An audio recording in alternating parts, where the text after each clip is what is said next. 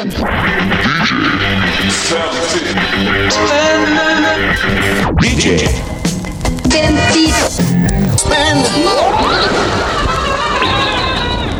Ja då, det är DJ 50 spänn.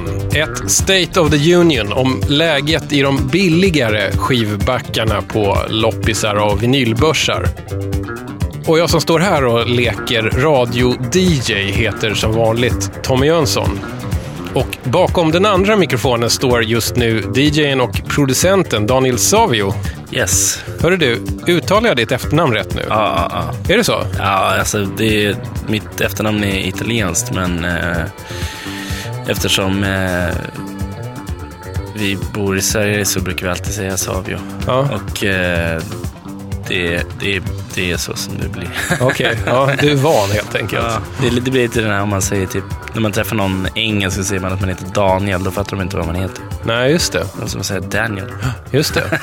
Du är ju även känd för vissa som DJ Dust, eller till och med Cool DJ Dust. Ja, jag la till coolet där. När jag upptäckte att det fanns typ 500 andra DJ-dust. Ja.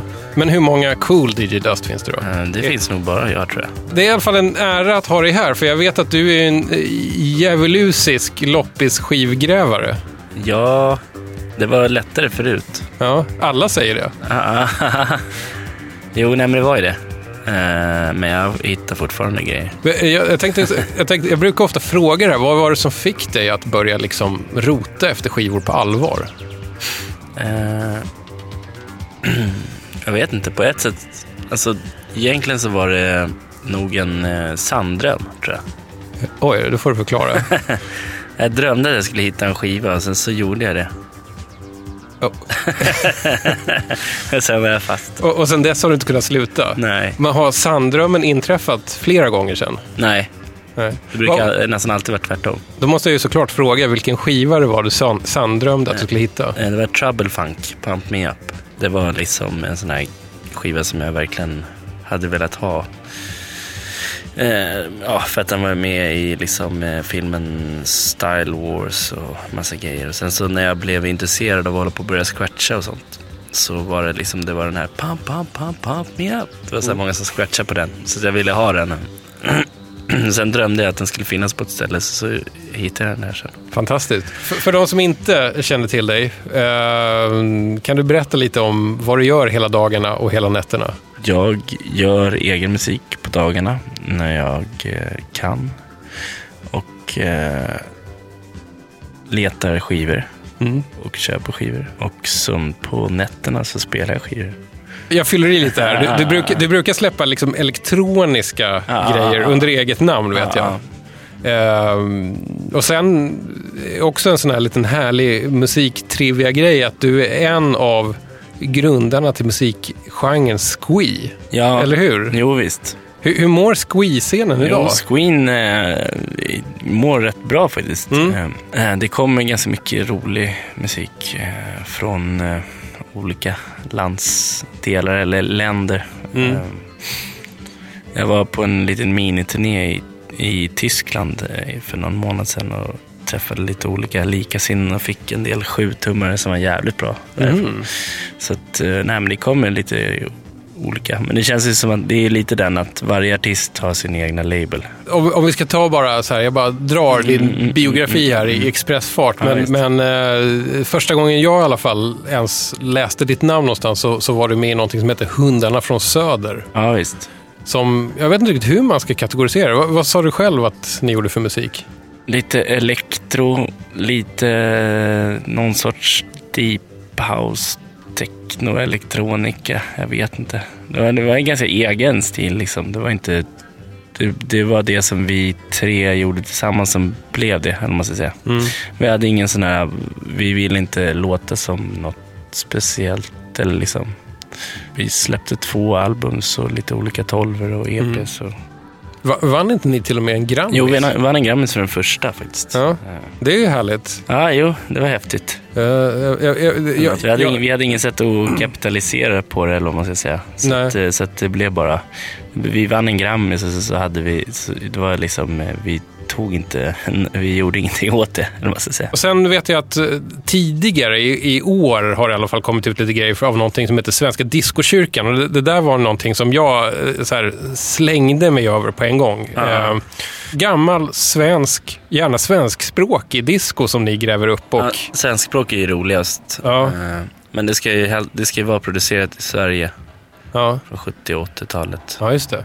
Om man inte har hört det här så kan jag tipsa om att det finns en sån här Beats in Space eh, som är ett radioprogram och även så går att lyssna på som podcast med Svenska Diskokyrkan där du och din diskokyrka-partner Ja, är det, är- alltså det är också roligt för att eh, han som jag spelar med, Mika Snickars, han var ju liksom, eh, eller är fortfarande på något sätt min eh, idol lite när det gäller att liksom leta skivor och DJ och allt sånt. Han Ja. ju skivaffär också. Så. Det är kul eh, att spela med honom. Det, det jag tänkte komma till här var att ni, ni ju varit inblandade i kanske den knäppaste Ulf Lundell-plattan någonsin. Ja, han släppte ju en tolva eh, med remixar. Det var Mm. första gången han hade remixar eller släppte en tolva överhuvudtaget så som jag förstod det. Eller nej, tolvor har han ju släppt några stycken men eh, inte med remixar på. Mm. Eh, så, Du, du måste nästan berätta lite hur, hur det här gick till. Alltså, om vi börjar med vad den här låten heter. Den heter Elbows and ja, just det, Cash. just det. Shit, jag hade typ glömt bort det. Nästan Det, ja, men, ja, jag förstår. Men, men alltså, det, för det, är så, alltså det, man, det blir många frågetecken här. Nummer ett är ju att det här låter inte som titeln på en Ulf Lundell-låt. Nej, nej. Alltså det är sjukt för att eh, det, är en snubbe, det är en snubbe som eh, brukar leta skivor jävligt mycket på loppisar och sånt som jobbar på EMI. Och han var inne på Snickars och eh, vi försökte liksom pumpa han lite på om det gick att få tag på mastertapes för liksom kanske någon gammal, jag vet inte riktigt, eh, ja, Svante Turesson eller whatever liksom. Jag vet inte riktigt vad exakt som ligger på EMI nu på så här rak arm. Men Mm. om det gick att få något för att kunna göra remixar eller edits och sånt. Eh, och han ja, mm, var lite så lösflyende för han håller på typ sätter ihop compilations med sådana låtar själv. Eh, så jag vet inte riktigt om han kanske eh, ville ge oss någonting. Men sen så hörde han det där och då att Ulf Lundell ville ha remixar. Så då sa han det. Då kom han in och frågade liksom om vi ville göra det. Mm. Vad fan tänkte ni då? Eh, först tänkte man ju så här, okej, typ så här, hur ska det gå till? Eller liksom, eh, för vi producerar ju inte musik själva, eh, jag och Mika tillsammans, än så länge i alla fall. Eh, för det skulle vara att vi skulle göra någon typ av edit, eh, extended liksom. Ja men då var det ju så här, ja men visst, skicka låten typ. Måste ju höra låten först. Och sen så fick vi låten och då var det typ nästan, då kändes det så här, fan eh, den här är ju typ, den här är ju typ bra. Ja. Alltså den är bra. Mm, mm. Så då var det liksom där kändes det så här, men fan vad kul. Ja men det här kan vi säkert göra någonting på. Mm. Sen var det väl lite sån här frågetecken om så här, ska man typ bli helt så mördad av typ Caroline Ramqvist eller någonting. Fast det verkar som att det var inte någon som typ så här märkte ens att han släppte en skiva i Nej. media Sverige. Men det kanske, han kanske försökte rikta sig till en, till en ny nisch Ja, på ja, något sätt. ja. Så gjorde ju Cornell en jävligt rolig också. Mm. Han samplade ju eh, den här Wu-Tang Clan, samma eh, vet du, Cash Rules Everything Around Me-grejen och la den under hans eh, sång som handlar om cash typ. Mm. Eller handlar ju liksom om typ såhär yuppisar Mm. på något sätt. Just det. Var, var Ulf Lundell nöjd? Ja, han var nöjd tydligen. Ja. Eh, vi, det var väl väldigt svårt att försöka så, bjuda in honom till någonting. Vi ville liksom gärna kanske dricka en flaska vin med honom eller någonting och liksom lyssna på den eller whatever. Men Mm. det var, de var väldigt klara på skivbolaget med att vi skulle veta att han var väldigt känd. Eh, vi visste att han var väldigt känd, men jag tänkte att han kanske hade varit intresserad av att hänga ut lite med några ändå, fast Mm. att han var känd. Men det gick inte riktigt att nå honom sådär. Hörru, jag, jag vet att du är bra på att hitta, hitta grejer som går att göra dansbara, bitiga prylar till. Så här. Jag tänkte kolla nu hur, hur det går för dig att vara med i DJ 50 spänn, där man får en 50-lapp för att köpa fem skivor i fem ganska eh, hårt hållna kategorier. Ja, Va- va- Vad var det du köpte skivorna förresten? Mm, jag köpte dem på eh, Valla Torg eh, I Årsta i alltså? Årsta. Mm. Och ehm, de hade de hade en enspänsback, fast jag hittade ingenting. Sen hade de två eller tre femspännare. Och sen hade de lite annat liksom. Men det var i femspänsarna som jag hittade. Ja, vad härligt. Aha. Eh, Så jag köpte egentligen tio skivor. Men du har fem med dig hit. Ja, Jag har fem med mig hit. Vad säger du om att vi går på första kategorin, nämligen... Chansningen. Vill du säga någonting innan den drar igång här? Eh, nej.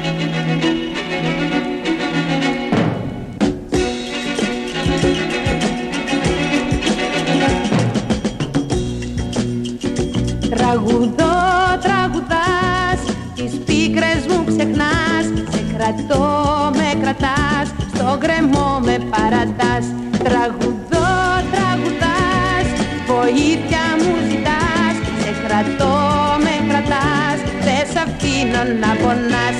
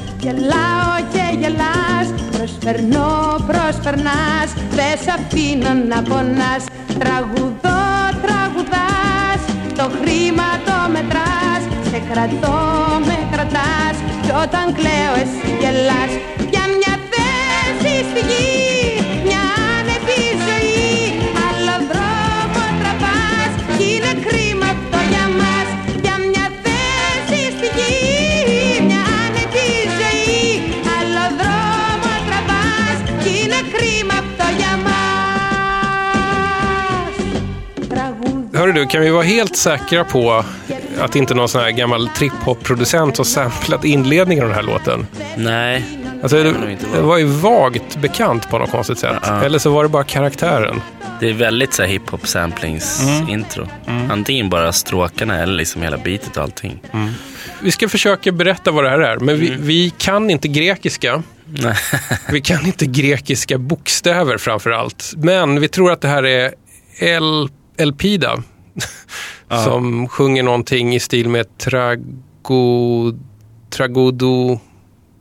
Ja, tragod... Ja, nej, jag, jag vågar inte nej. längre. Hon ser, jätte, Elpida. ja, hon ser jättetrevlig ut. Ja, ja. Ni får tro. Men Bicky, Bicky henne känns, eh, ser man ju jätteofta skivor med. Det är hon som är Vicky Leandros. Ja, där ja. Precis. Ja, men nu. nu. Så vi, vi tittar alltså på omslaget till en grekisk samlingsskiva som heter någonting med 13. Det är säkert Någonting. typ 13 hits eller något sånt. Precis. Och det enda ansiktet vi egentligen känner igen då är Vicky Leandros. Fast det Som, stavas Bicky. ja, men det kanske är skrivtecknen igen. Ja, ja, ja. Jag vet inte. Vicky Leandros tror jag är mer känd i Tyskland egentligen. Men hon Jo, kanske är är, grek-tysk. Jag vet Jag inte. tror att hon är grekisk, men jag tror att hon var någon sån här slager. Hörru, vad, vad, men vad, vad tyckte du om eh, Elpida? Jag tycker den kä- ganska mysig. Jag blev jävligt sugen på att liksom, eh, hitta albumet. Mm. För att soundet är jävligt lovande. Mm. Eh, och speciellt, alltså just i sammanhanget också på den här samlingen så var det ju verkligen bara den där som lät sådär tuff. Typ. Du, du har i alla fall liksom ändå skippat igenom skivan. Ja, ja. Det här är liksom lite för mystiskt. Jag kan inte säga så mycket mer om det här. Nej. Jag gillade ändå låten eh, och det slår mig att jag tror aldrig jag har hört liksom grekisk musik som låter rakt igenom glad. Nej, Det är nej. liksom deppigare än svensk musik. Ja, ja. Och så ser det alltid sådär, det är så jävla mycket, vad heter det, bouzouki. Och Bouzouki är man lite så småallergisk mot. Är. det är någon barndomsgrej. Mm. Men annars så har ju, alltså, som, jag brukar ju köpa nästan alltid grekiska skivor från 70-talet. Va- Varför chansar du på dem? För att ibland så är det typ, eller inte, inte ibland, men, men det finns ju en risk att man kan hitta någonting som är coolt. Eh, de turkiska grejerna hittar man ju nästan aldrig i Sverige. Nej. Eh, och de är ju ändå så jävla kända. Eh, Liksom, ja, men typ Zelda och allt sånt där. Ja. Orkun Kraj eller vad fan det heter. Eh, så att, men det grekiska soundet är inte så jävla långt ifrån ändå. Så att man kan ju verkligen hitta coola grejer på... Jag, jag, har, jag har nog en fem, fem, sex jävligt feta discogrejer som jag hittat på grekiska skivor. Ja. Men då har jag kanske köpt typ hundra grekiska skivor eller ja. mer. Ja, just det. Ja. Det är roligt att du säger det också, för det, det finns ju eh, en, en grekisk artist står ju alltid långtidsparkerad i 10 kronors och 5 kronors backar på svenska loppisar. Ja, Demis Roussos. Demi Rousseau typ, eller Demis Roussos eller vad han heter. Eh, jo, han har ju också, han har gjort typ tre, fyra ganska feta låtar. Mm. Eh, Det gäller bara att veta på vilken av de här... ja, ja, ja, man Alltså- måste leta bak, man måste läsa låttiteln på baksidan. För Ja, att de ser nästan likadana ut alla skivor Mm. också. Ja, han, är, han är ofta tjock med lite skägg och har en hatt på sig på omslaget. Och så kör jag med kaftan. Ja, det gör han också, precis. Som, eh, Men det är alltid han plus i kanten tycker jag. Ja, som i, vad heter de? Soundtrack of Lives. Ja, du tänker på Ebbot, ja. Ja, ja. Ebbot har snott allt från Demis. Han var ju med i de, vad heter de, Afrodites Child. Ja, precis. Med Evangelis. Och, Precis, för, för att tala om en annan li, lite mullig Mm, mm, mm. grekisk man där. De är härliga ändå alltså. Mm, mm. Ska vi hoppa fram en genre? Ja, ja. Skivbörsklassikern. Den är på 33 varv. Fan vad coolt. Ja, härligt.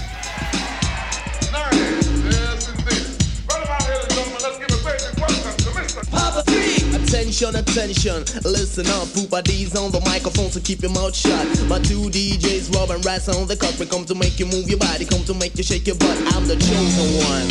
one. Competition is none.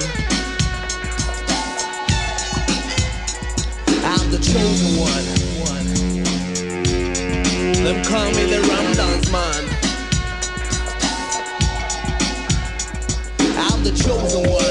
I've been selected. I must be respected and never neglected.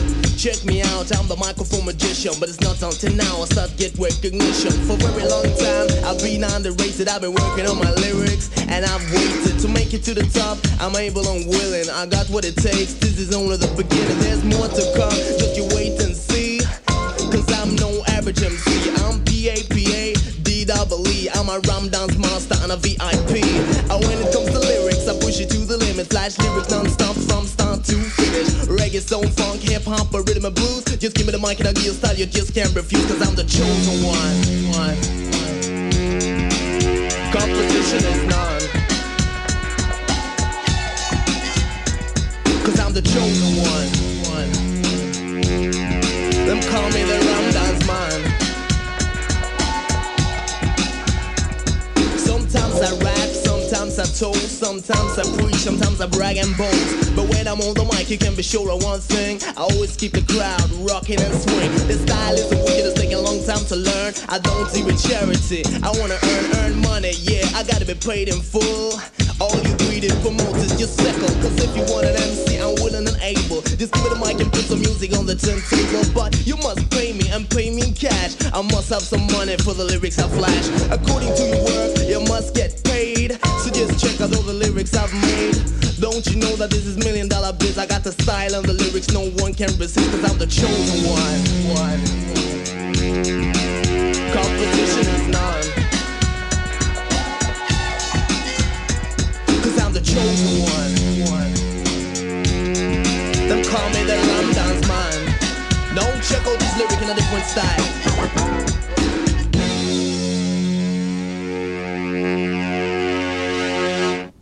Hey Rob, competition? It's none, Russ. Det var en härlig avslutning ändå.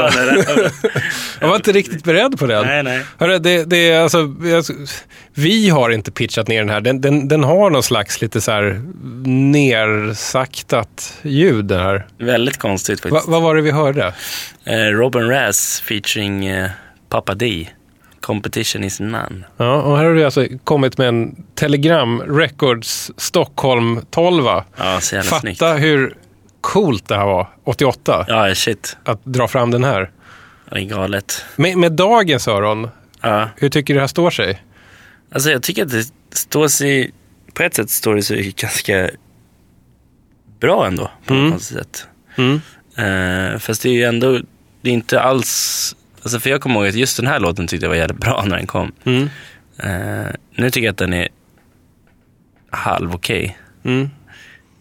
Jag, jag skulle nog aldrig liksom egentligen få för mig att spela den, inte ens av liksom nostalgiska skäl, eller för skämtskäl. Jag skulle aldrig DJa den här. Nej. Eh, men jag tycker fortfarande ändå att den är helt okej. liksom. Den Mm. funkar. Den är cool också för att det är ändå liksom, det är bara trummor och rap nästan. Mm. Alltså den är väldigt så här, det är ingen sångrefräng. Det, det är lite ångestljud också. Du vet, det är lite Ah. mörka så här, Konstigt Ja, trumpet. Ja, jag, jag blev glad av att höra det här för det påminner mig liksom om att det fanns ett eh, Robin, Robin Rass som innan de blev liksom, vad ska vi säga, lite mer Eurobeat-anpassade. Jo. Det, det här är liksom visst. ur Robin Rass på något sätt. Ja, hiphop, Robin Rass liksom, ja. och funk och sånt där. Precis. Sen blev det väldigt mycket clubhopping och Ja. sådana där saker. När det blev också lite mer så här, du vet formatet. En muskulös kille som rappar i verserna och en refrängsångerska som tar i som fan Ja, i refrängen. Men det här är ju Det var innan någon av det. de där som var helt okej också faktiskt. Mm. Vad heter den? Eh, Take a ride. Mm, just det. Den var ju fan ja. ganska, det är en helt okej mysig låt ändå. Ja. Alltså. Jag, jag satt faktiskt och, och Man ska körde inte mig... bli arg om man hörde den på radio. Precis, jag satt faktiskt innan, innan, innan du kom hit eh, så satt jag faktiskt och körde mig igenom, alltså skippade mig igenom eh, hela Romerets katalog där, där i princip allt verkade finnas på Spotify. Så jag tyckte det var lite, lite är härligt att få köra igenom alla, alla grejer. Då fick man också någon slags liten bild av att Robin Rass ändå var rätt duktiga på att hitta talanger. Jo, För att jag tror inte jag har hört talas om Pep Papadi förrän kanske han dök upp på den här eller Microphone Poet eller vad den Ja, det. Eh, och sen så hittade de ju såklart, eh, eller var i alla fall... Ja, exakt. Alla de här uh, systrarna och grejer som blev afroditer där. Var det, var det Robin Rass också? Tror det. Sen gjorde de ju DJ Mendes. Var det Robin Rass också? ja, ja. Ser man på. Man ligger bakom mycket. du som ändå eh, har DJat ett tag, har, har Robin Rass haft någon slags påverkan på dig? Eh, ja, jo det har de. Eh, jo det har de verkligen haft. Alltså som DJs och sånt när de höll på att scratcha och sånt så tyckte jag att de var hur eh, coola som helst. Mm. Och med den tiden som mått så var de ju verkligen jävligt duktiga faktiskt. Jo, jag vet att de har ju vunnit di- diverse sådana här liksom DJ-SM och vansinnesmixnings-SM Mm, och mm. någon sån här... Jag såg dem en gång faktiskt. Min, min pappa tog med mig på Fryshuset på lite olika hiphop-grejer och sånt där. Mm. Så såg jag dem när de körde sin DJ-show och det var ju verkligen så här helt super liksom. Det var ju verkligen eh, som att man bara fick hela huvudet avskjutet av ett hagelgevär eller någonting. I alla fall när man var så här, du vet 8-9 år eller någonting så tyckte man att det var helt insane. Och jag tror att de, eh, de deras så här, alltså, skicklighet och sånt på skivspelarna och sånt, de är ju fortfarande ganska jävla duktiga. När kom du på att du ville börja DJa förresten? Alltså det är det jag inte riktigt eh, vet, känns Nej. som. alltså jag ville ju göra allting eh, när jag var lite yngre. Mm. Eller jag försökte ju med allt kändes det som. Eh, ja men dansa och liksom eh, måla graffiti. Alltså alla så här hiphop-element har jag ju gett mig på. Mm. Ja, du- du har liksom, testat alla. Ja, med varierande liksom, resultat. Eh, jag tror att på något sätt, min, min mamma sa att jag hade sett någonting på tv när jag var liten och sagt att det där vill jag bli. Mhm. Eh, Men det kommer jag inte ens ihåg själv. Jag jag brukar ibland fråga så här, vil- vilket, vilket, vilket är ditt bästa billiga skivfynd någonsin? Det beror på hur, hur man ser på det lite. Eller alltså om man, om man tänker en skiva som är dyr annars och som... Ja, men kanske den som du tycker att det här var bästa jag hittade liksom, för en billig peng. O, oavsett vad den egentligen är värd i pengar. Ja, så. Ja, shit. Det är fan skitsvårt att säga. Det, det, har, det har jag nog inte gjort än, tror jag. Nej, okej, du har det framför dig. Ja, jag tror det. Du, ska vi säga någonting mer om den här Robin Rass 12 Ja, nej jag vet inte. Den är jävligt snygg i alla fall. Den är jävligt clean. Ja, jag håller med. Den är... Plus att den går på 33 varv, vilket är jävligt coolt. Ja, det gillade du. Ja, ja, ja. Varför gillar du det? För att det går att scratcha då. Eller mycket skönare att scratcha. Om man går på 45 så är det så jävla mycket motstånd. Och så, så det blir, funkar inte helt som det... Det är 33 varv om man vill ha om man ska kunna scratcha på det ordentligt. Mm. Det där hade jag aldrig fattat förut. Nej. Men, eh, ja. Det var också en sån här grej som jag vet att många svenska hiphop-tavlor och sånt, i alla fall i början, liksom, eh, alltså typ den första Infinite Mass och massa sånt där. Och liksom, det var ju alltid 45 varv. Mm. Och det tyckte man ju att det var så konstigt att det liksom inte kändes helt äkta. Det, det var inte DJ-anpassat. Nej, nej, nej. Oergonomiskt. Ja, ja, ja. Det är något som tar emot. Vi har kommit fram till den fruktade skivkategorin här. När man blundar och bara plockar upp någonting. Egentligen den skivan som Gud bestämmer och inte du. Ja, ja. Random Access Vinyl. Finns det någon bra låt på den här? ja, det gjorde ju det. bra, bra, men alltså en rolig låt. Snälla ni får jag berätta vad som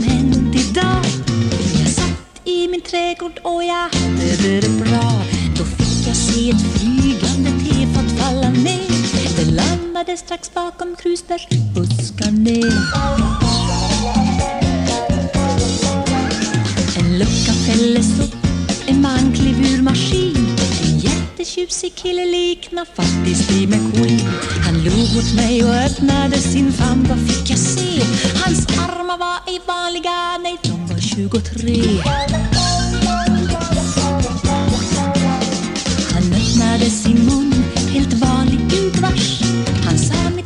mitt Lars och jag från Mars Han berättade om sitt liv, och rätt snart så var vi du. Han sa han kom direkt från Mars att ta sig en fru. Jag sa Lars berätta mer, säg hur är det nu med det? Jag har ju bara två medan du har 23 Och Lars han skrattade till och så närmar han sig mig. Det fattar du nog när jag tar i dig. Det där lät ganska bra så jag blev hans konkubin Jag åkte med honom i tillfartsmaskin. Precis när vi försvann bakom vårat krusbärsland Att vi båda gick mot flygmaskinen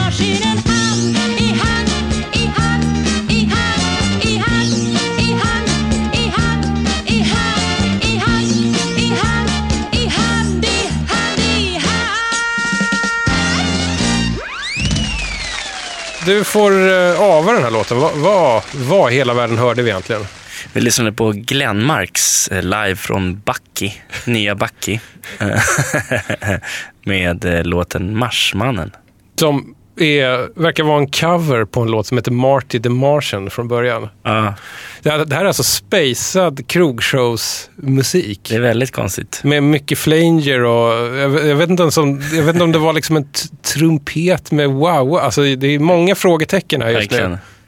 nu. Den är ganska cool. Det är, det är, det är lite så här sunkigt-varning på den. Mm, ja, absolut. Jag skulle inte vara förvånad om den De har säkert kört den. Å- åker på ibland ja, där. ja, ja. Min chansning också, jag är verkligen ingen Glenmarks-expert, men jag tror att det är eh, eh, Ann-Louise Hansson som sjunger. Säkert. Så, som är matriarken i Glenmarks-familjen. Och så är det väl Anders och Karin Glenmark som körar. Och så är det pappa eller morbror Säkert. Bruno som styr allting i bakgrunden. Ja, för skivbolaget heter ju Glendisk, så jag tror att min, min teori var att det var liksom farsan då, eller någonting som hade startat skivbolaget och sen så tänkte han att han skulle tvinga alla sina barn att upp, spela Mm. in på det. Liksom. Mm. Lite som någon Osmonds Jackson. eh. Ja, precis. Ett familjeföretag helt ja, enkelt. ja, Ja, ja. Det var ju Ja. bara Anders som verkligen lyckades. Eller Ann-Louise var i och för sig sjukt stor. jag tror att hon på, på den här svensktoppseran så var Ja. väl det hon, hon, hon var the shit helt Mm, enkelt. Mm. Men eh, varför spelade vi just den här Marsmannen-låten? Eh, för att det var den jag tyckte var bra på den här skivan. Mm. Vad vad är det du gillar med den? Nej, Alltså, den, har ju, den har ju ett drivigt beat va? Mm. Alltså, nej, men, Nej, jag, det jag gillar med den är väl egentligen att den är minst sämst på skivan. Och sen så att den är lite rolig. Så här. Men man blir lite irriterad på den. Speciellt det där med att hon gör om hans namn till Lars. För att Ja, det ska det rimma på Mars. Ja, det är ju, det, det, är ju faktiskt det är som man riktigt kör näven i bordet. Ja, då, och vet du vem du får skyll- skylla på då? Nej, Eh, för jag, jag läser här från skivan att det är Ja. Östen Warnerbring som har gjort den svenska översättningen. okej, okej. Så det är Östens fel Ja. att det är Lars. Men det är ju otroligt irriterande. Ja. Speciellt när man vet att låten heter Marsmannen. Du, alltså, du, du mejlade innan du kom hit. Mm, Du, du skickade över liksom listan, de här skivorna kommer jag ta med mig. Och så skrev du att du nästan alltid chansar på grejer som är med Anders eller hans syrra Karin på.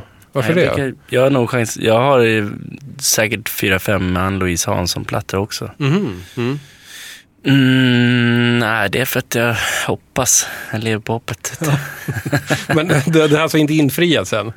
Nej, inte okej. Nej, inte riktigt sådär. Jag tror att Glenmarks, alltså just den här konstellationen, Glenmarks, familjebandet Glenmarks, har- verkar ha en liten vridning åt roliga låtar. Mm, mm, jag så. för, för Jag har att, en blå skiva med dem. Så här, ja, precis. Och där finns det en låt som heter Det är dags att spela på kam. Som Okej. handlar om att nu är det dags att spela på kam. Okej. Ja, jag, jag bara skippade igenom den Ja. och tyckte inte att det fanns någonting. Det är också problem när man köper mycket skivor på loppis, att man ibland bara hoppar igenom allting lite för Mm. Ofta så brukar man komma hem och bli så här sjukt besviken. Bara, fan vad värdelöst allting Mm. Och sen så ibland så kommer man på scenen så här, fan det där var ju, vänta jag måste kolla upp det där igen. Alltså det där var ganska coolt. Under låtens gång här så berättade du om en rätt bra t-shirtplan. Pallar du dra den igen? Ja, nej men eh, vi snackade lite om att eh, jag och Mika så här, snackade lite löd. Jag vet inte, vi snackade om allt möjligt i och för sig. Så, men eh, om att kanske göra lite t-shirts på så här okreddiga svenska skivbolag. Alltså, ja men typ Glendisk då, för den är så jävla ful och liksom ganska skön på något sätt. Mm. Det är verkligen så här brunsås-label. Riktigt, riktigt jävla brunsås på något sätt. Några andra svenska okreddiga labels som du skulle kunna tänka dig att Ja. trycka på en t-shirt? Flam, helt klart. Flam är ju nästan typ den som jag känner liksom så här, att det är fan en t-shirt alltså. Alltså Flamingo-kvintettens Ja, eget, ja, egen ja. skivlabel. Ja. För den är rätt snygg liksom. Mm. Men ful, snygg också på det där sjuka Mm. 70-talssättet. ja, just det. Den har någon så här orange flamman. Den är, jag tror att den är så här, den här 70-tals orange som var liksom. Just det. Ja, det, är ju, det är ju väldigt Flamingo-kvintetten över färgen orange på något sätt. Om jag skulle få önska mig en sån t-shirt så skulle det inte vara helt dumt med kanske kristna skivbolagets signatur. Jo, eller typ Prim. Ja, Prim, just det. Som också var, Kristet tror jag. just det, nå- någon av alla frikyrkor som Ja, hade eget skivbolag som gjorde det. Hemmets Härold. Ja, det är ju, då är det riktigt tungt alltså. Men det är nästan för snyggt och det ser inte riktigt, det ser lite för så här officiellt ut på något sätt. Mm. Det ser inte så hemmagjort ut. Men Flam ser väldigt lite, Mm. så här, lite tjaskig liksom. Vad, vad kommer hända med den här skivan efter att vi spelat den här? Tar du med den hem? Eh, Jag tar nog med mig den hem. Fast jag vet inte riktigt varför. Jag tänker att jag kanske bara vill ha den. Nej, jag tror fan jag ditchar den. Alltså. Hörru du, hur, hur, hur är den här uh, Stevie Wonder-covern som de har slagit till på den här? Eh, Den eh, lät ganska trist. Kan, kan, Ja, jag, jag vill eh, ba- bara, bara några takter.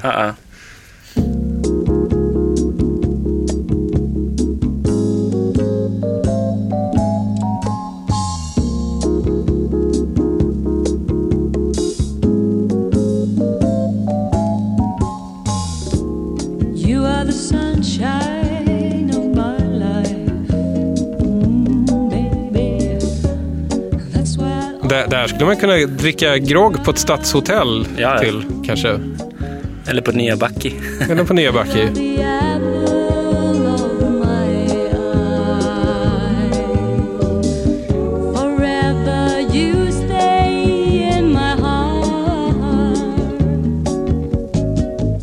Det här är också extremt hemskt. Typ. Ja. Det här, Originalet är ju liksom inte ens bra. Men det här är Anders. Det måste det vara va? Ja.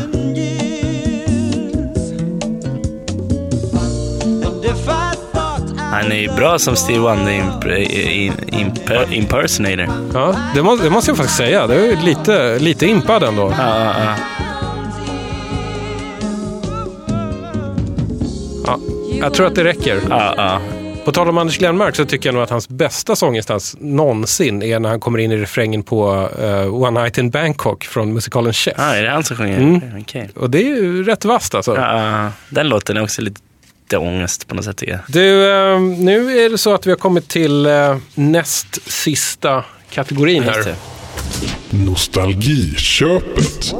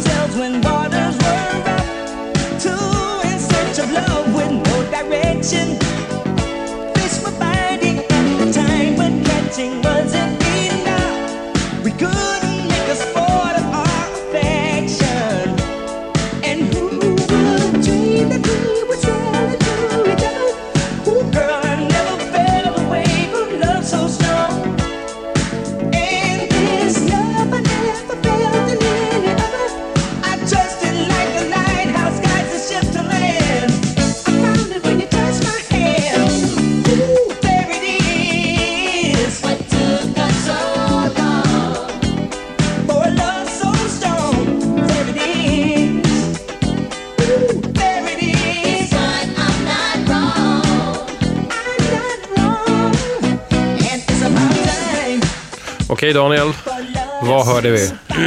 Vi hörde Shalamar med There It Is från skivan Friends. eh, Som även innehåller eh, megahitten A Night to Remember som i, i egentligen i och för sig kanske är bättre än den här låten som jag valde nu. Mm. Men den här låten känns lite mer, inte riktigt lika uttjatad eller liksom lite mer otippad på något sätt. Ja, jag förstår. Hur ska vi kategorisera den här musiken? Eftersom jag älskar att kategorisera saker hela tiden. Ja, nej men det här är ju superslick boogie-disco typ. Mm.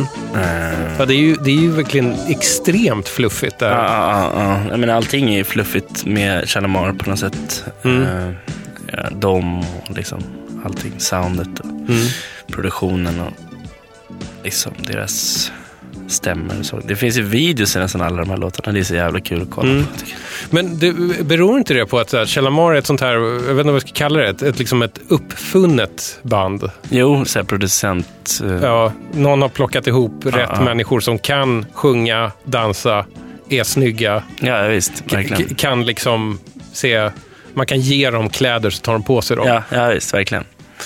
Nej, men det är ju så här producent, studiogruppen man ska säga. Hur kommer det sig att du gillar Shalamar? Hur, hur hittade du till dem? Eh, det, är- det är så här barndomsgrej. Eh, min morbror var så här disco-freak och eh, så jag hörde ju massa grejer när han spelade och jag fick lite så blandband och fick till och med lite mixar av någon kompis till honom som var lite DJ och sånt där. Han var, ju, han var ju liksom inne på disco när det var, alltså han var ute på ställen och sånt i Stockholm när det här var typ nytt. Så här. Sen så när, när, när jag liksom började med att köpa skivor och sånt själv, just för att DJa med eller för att sampla eller för att hitta grejer som andra hiphopband redan hade samplat och sånt. Mm. Då var det som att jag ramlade över, för de är ju rätt också ganska vanliga att hitta på loppisar och sånt. Och, Mm. eh, för de sålde ju så jävla mycket. Så blev det som att jag hittade en del grejer. Men vad fan, just det, den här låten, jag kommer ihåg den. Fan, det här är så jävla fint. Så. Alltså det är rätt cheesy, men jag är lite sucker för sån här eh, romantisk, sliskig Mm. kärleksdisco. Ja, just det. Jag, jag var tvungen att plugga på lite om Shalamar och då kom det ju fram att det just det här med, med att det är ett, ett så här producentdrivet band, att det är liksom ihopsatt av, nu ska vi se, Griffin. ja precis, som, var en av liksom producenterna bakom tv-programmet Soul Train. Jaha, okej. Ja, det visste inte jag Så ens. att, Alltså nästan alla discoband var ju sådana projekt, eller vad man ska säga. mm. Eh, och eh, de, alltså Sylvers eh, syskonen skrev ju typ jättemycket av musiken. Och de har ju gjort egna skivor också som är jävligt bra. Mm. Från liksom tidigt 70-tal och alltså de var ju som barn, de var ju, The Silvers hette ju deras barnband eller vad man ska säga. Det var ju typ såhär Jackson-kopior. Och de har gjort några riktigt bra låtar. Och sen så gick de vidare som låtskrivare och skrev massa Shalamar och massa andra grejer på det här skivbolaget då. Mm. Och det här skivbolaget är Solar som betyder Sound of Los Angeles Records. Ja. Så egentligen ska man bara säga Solar och inte Ja, Solar ja. Records, för då blir det fel. Nej men jag, jag gillar Solar. Vad, vad, vad finns det mer för så här Solar-artister som man skulle kunna hålla ögonen öppna efter om man vill komma in lite i den här ja, typen den av här musik? grejen. Ja, alltså ett snarlikt band som också be, består av eh, en del av musikerna och låtskrivarna från Shalamar i Dynasty. Och de, det låter nästan likadant. Mm. Eh, och det är också väldigt sådär, fluffigt och väldigt stort. De grejerna, som, den här är ju från 82, men de grejerna som de gjorde i slutet av 70-talet och de som är mer liksom disco-disco, man ska säga, de är otroligt bombastiskt producerade.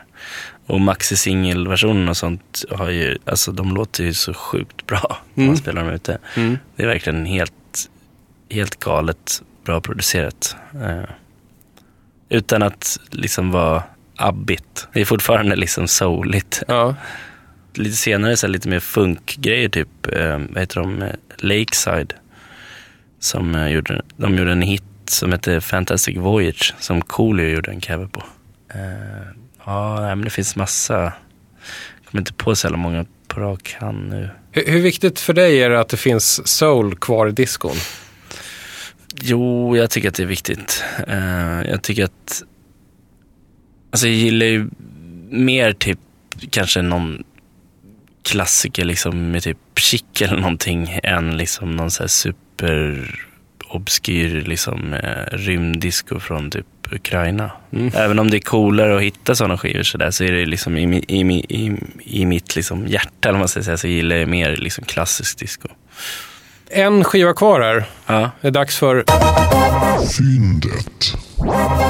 Det är inte alltid man gör fynd. Nej, ty, tycker du att du gjorde det nu? Jo, det tycker jag. Valla torg Ja. levererade. Du ville säga någonting eh, innan den brakar loss utan att röja vad det är vi ska få höra. Den är från 72 men det är väl någon typ av begynnande diskomusik. Det var liksom när det började bli liksom eh, musik som man gjorde just för diskon och sånt. Oj shit, den var solvobblad. Oj, vad kaosigt.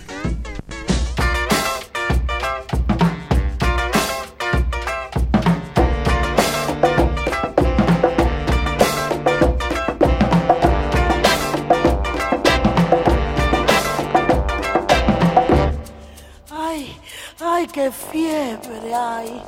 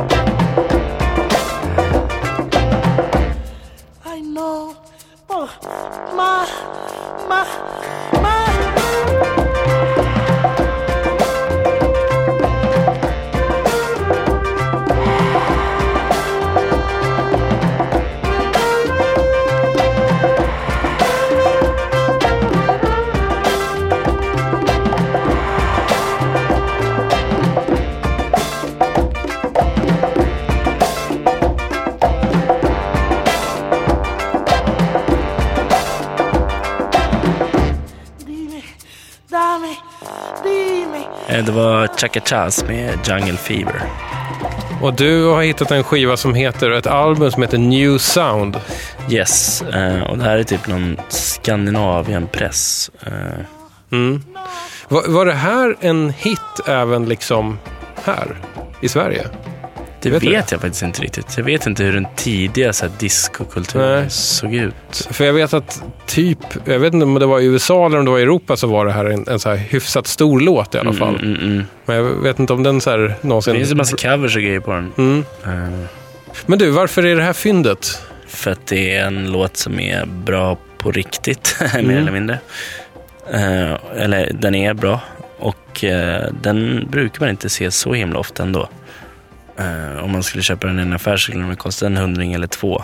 Mm. Eh, Kan, kan du så här skivpriser lite i huvudet? mm, vissa grejer vet man liksom, ja men det här. Eh, men sen så är det ju också de, en del grejer som, som man vet som brukade kosta mycket förut, de Mm. gör inte det längre. Så, som till exempel versa. vadå?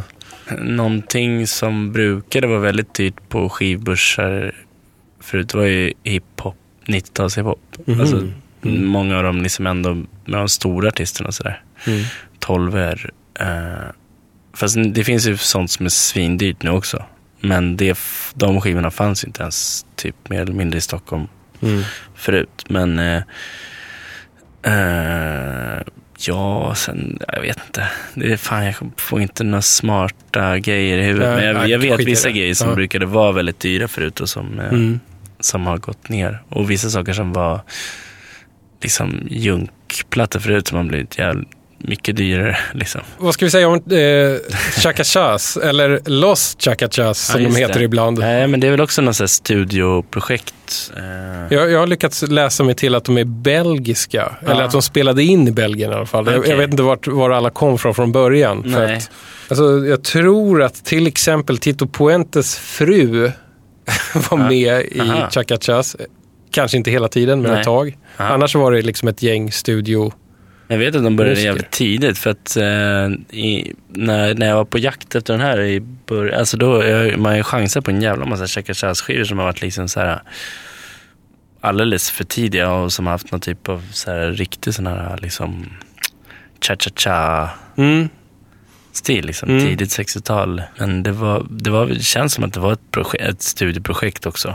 Och han, eh, där Roland Klyger som har producerat den här skivan i alla fall, han, han har ju producerat massa så här konstiga, spexiga, flummiga discogrejer och sånt också. Mhm. Mm. Det här är ett album nu som vi har. Mm. Är, är, är de andra låtarna i den här stilen eller är det någonting helt annat? Eh, jag har inte lyssnat ordentligt på de andra, men det är ju det är fortfarande en massa konstiga cha, cha-cha-grejer och sånt. Och sen någon så här jobbiga evergreens, eller vad fan är? Un, Un Rayo del Sol. Och Harlem Nocturne. Nej men det här var väl, det är väl en sån här skiva som man ska ha cocktailfest till liksom. Mm. Och så brassar de på med disco på lite. slutet. Ja, liksom. kanske dansa lite. Men det är jävligt snyggt omslag alltså. Mm. Man reagerar ju ganska lätt på den när man ser den. Du, alltså jag måste fråga här, du som ändå eh, är ute och letar mycket eh, skivor och sådär. Vad, vad, vad är det för typ när du tränger in bland skivbackarna på en loppis? Vad är det för en typ? Ja, är du liksom aggressiv och revirpinkande eller är du lite sneaky och liksom drar upp en grej lite omärkligt när ingen annan tittar om du vet att det finns någonting i en back Jag, sådär? jag är nog jävligt sur liksom. Eh, jag är lite, jag, ty, jag, jag tycker, tycker det är extremt jobbigt eh, med andra skivletare. Jag brukar vilja vara själv oftast när Mm. jag sticker.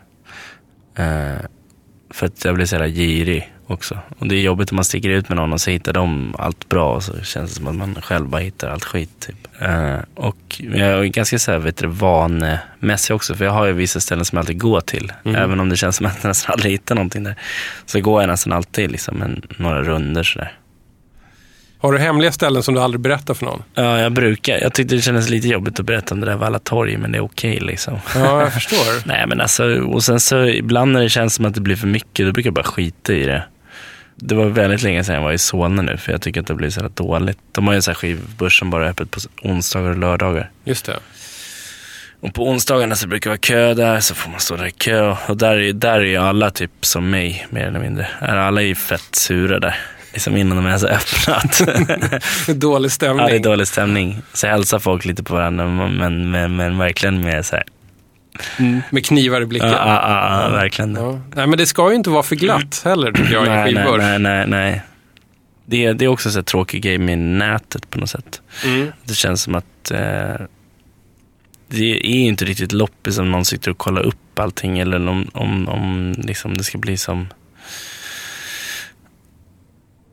liksom någon typ av skivaffär som inte är en skivaffär. Eller, alltså det där tycker jag också blir lite störd på liksom Emmaus och Stadsmissionen och allt sånt där också. Att de har Mm. verkligen eh, de bedriver någon typ av supersned konkurrens också gentemot de som ändå har skivbörsar, som köper sina skivor.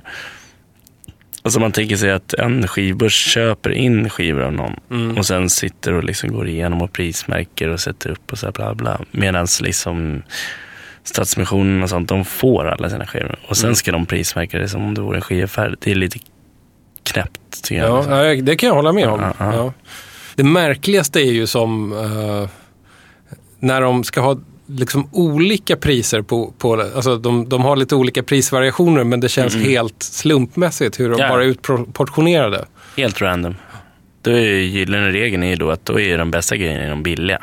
Okej, nu röjer jag ett ställe här, men det, det, är, en- det är ändå så fucked up. Så att, men, men andra varvet i Högdalen, jag tittar på er. Er, er eh, differentiering mellan 10, 15 och 20 spänn är helt sinnessjuk. Ja, det finns För- ingen... Det finns liksom ingen sans i det. Nej, nej. Men det, det kanske sitter liksom någon människa och slumpar ut de här prislapparna. Eh, De har ju dessutom också det sjuka att de har så här barcodes, du vet, Ja, EAN-koder just på det. sina... På, ja, de sätter på jättestarka sådana här klisterlappar Ja, som skitsvåra inte går att få loss. bort. Nej. eh, bästa klisterlapparna som jag Ja. råkat på i år. Ja, ja. Eh, Skiv-esset i Malmö. Var Man kunde nästan blåsa av dem. Okej. Shit, nu har jag röjt två ställen. Det är nog bäst att vi slutar nu tror jag. Ja, ja, ja. Och det slutar alltid på samma sätt. Det slutar tyskt. ja, jag hörde att det var James Last. Ja, precis. Eh, nu var jag väldigt snäll. Mm. Nu lät jag faktiskt dig dra upp en James Last-platta här. Ehm, du får nästan förklara lite varför, varför du valde den här skivan och den här låten. Just för att eh, det där var en sån här James Last som man eh, på något sätt letade efter lite ett Mm. tag eh, för länge sedan. Just för att den hade en cover på Inner City Blues som Just var det. liksom eh, helt okej ändå för att vara James Last. Han har gjort en del helt okej grejer. Mm. Men det här var den första som, eh, som var liksom så här, wow, det finns en cool grej på en James Last-skiva. Mm. Plus att det omslaget är ganska snyggt också. Ja, det är James Last och hans band eh, som... eh, Det ser ut som ett litet hippieläger faktiskt. Ja. Hur mycket James Last har du hemma?